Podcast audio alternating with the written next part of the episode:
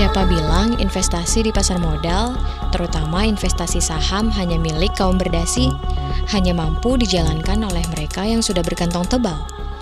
Hmm, buktinya investasi saham bahkan bisa dijalankan oleh seorang napi dari balik jeruji besi.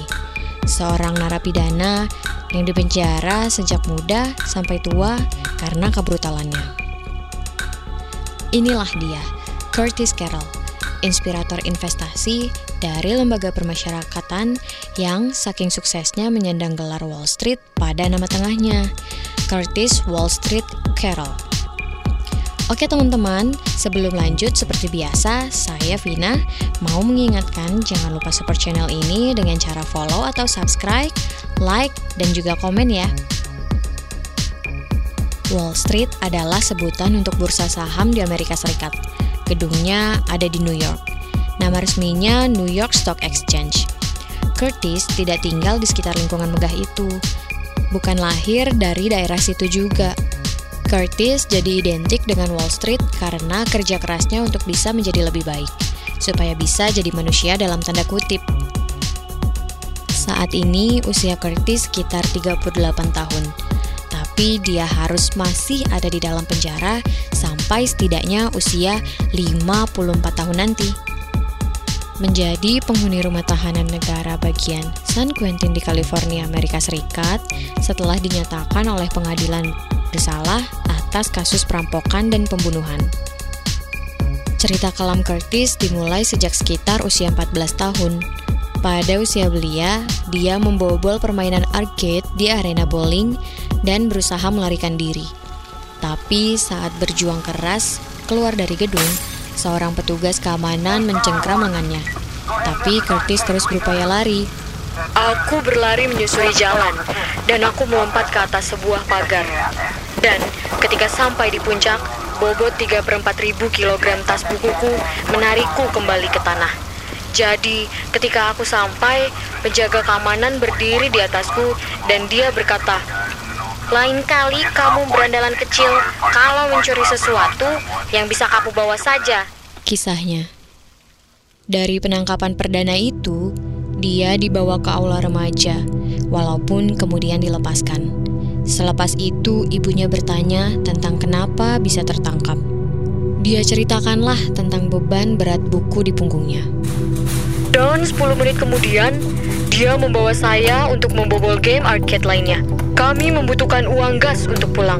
Itulah hidupku.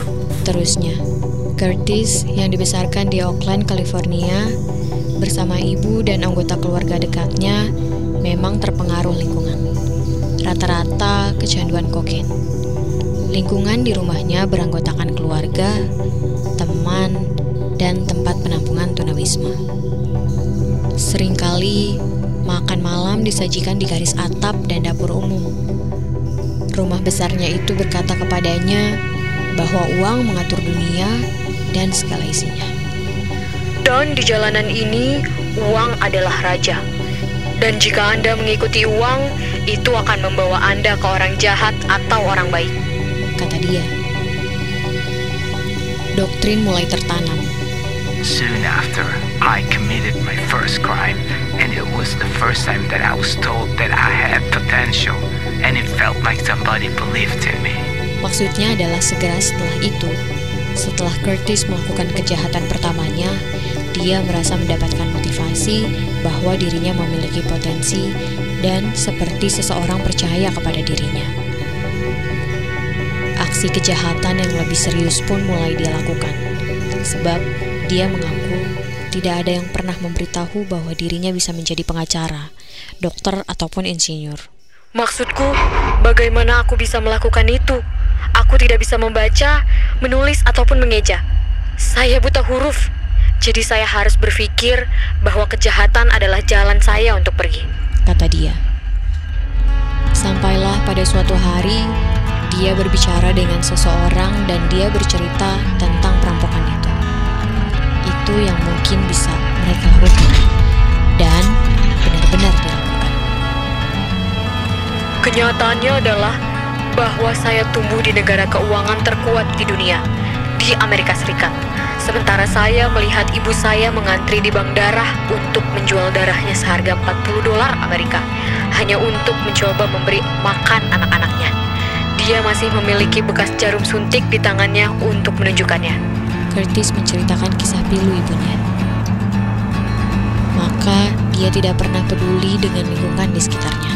Sebab dia merasa lingkungan juga tidak peduli dengan kehidupannya.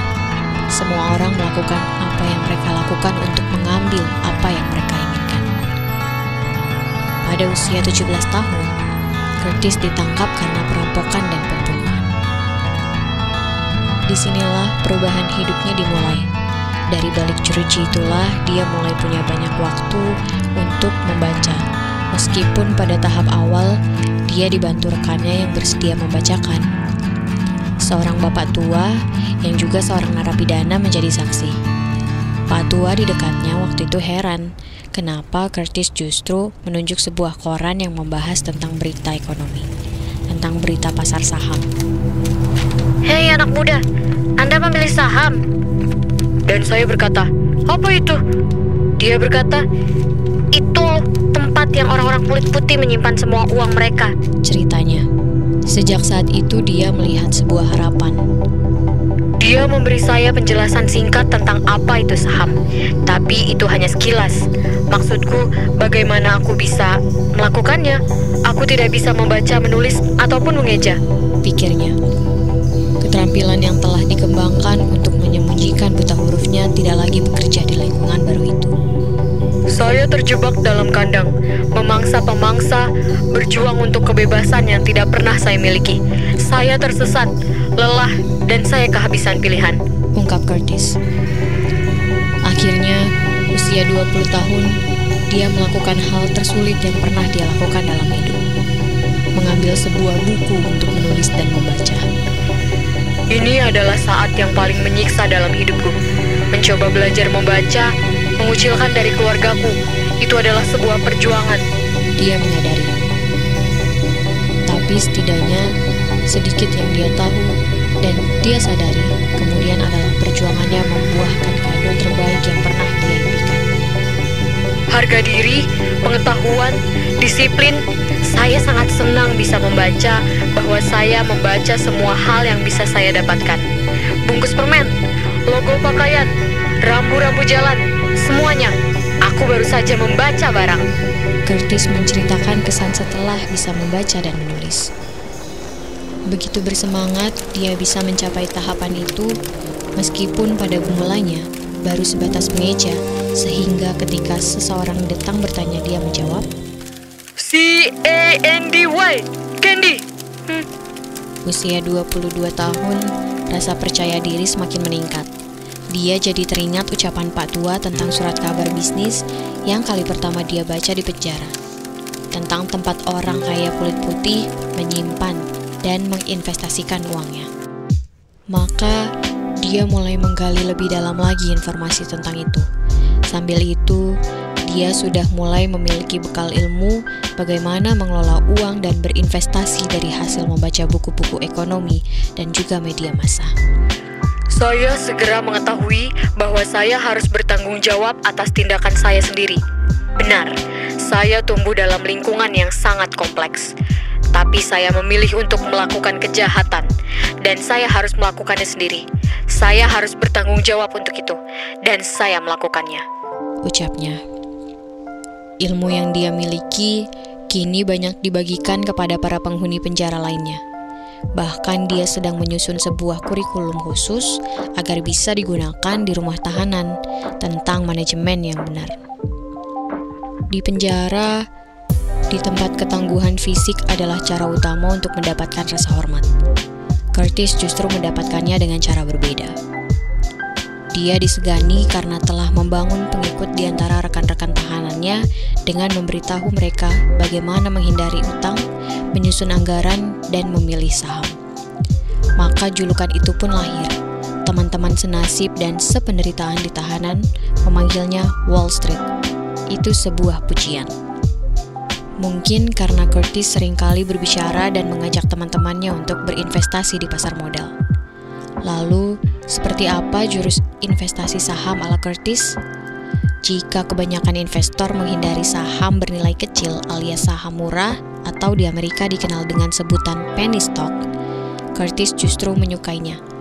Memang lebih sulit untuk dianalisa, tapi dia minat karena harganya murah. Salah satu dinding di ruang perpustakaan di penjara digunakan Curtis untuk memampang daftar saham miliknya dengan cara diplester. Curtis yang belajar membaca dan berinvestasi secara bersamaan menyebut saham adalah tentang cerita dan emosi. Ketika dia berpikir untuk berinvestasi di saham, dia mengatakan dia menjelaskan dasar-dasar perusahaan kepada narapidana lain dan juga mengukur reaksi mereka. Psikologis mencapai 70% dari pasar, kata dia. Investor follow the leader. Jika tidak, kita tidak akan memiliki satu persen. Imbuhnya. Saham-saham yang pernah dia pilih antara lain Zynga, ZNGA, Bank of America, BAC, dan Facebook, FB. Meski diterpa berita negatif atas kinerja saham ketiganya, seluruhnya malah menguat dan Curtis memetik untung. Saham Zynga yang ketika itu dia beli menghasilkan untung 20%. BAC memberikan keuntungan 47% dan Facebook melesat menjadi 134%. Oke teman-teman Ampin, terima kasih sudah menyimak. Jangan lupa subscribe, follow, komen, like, dan juga share ya. Sampai ketemu lagi.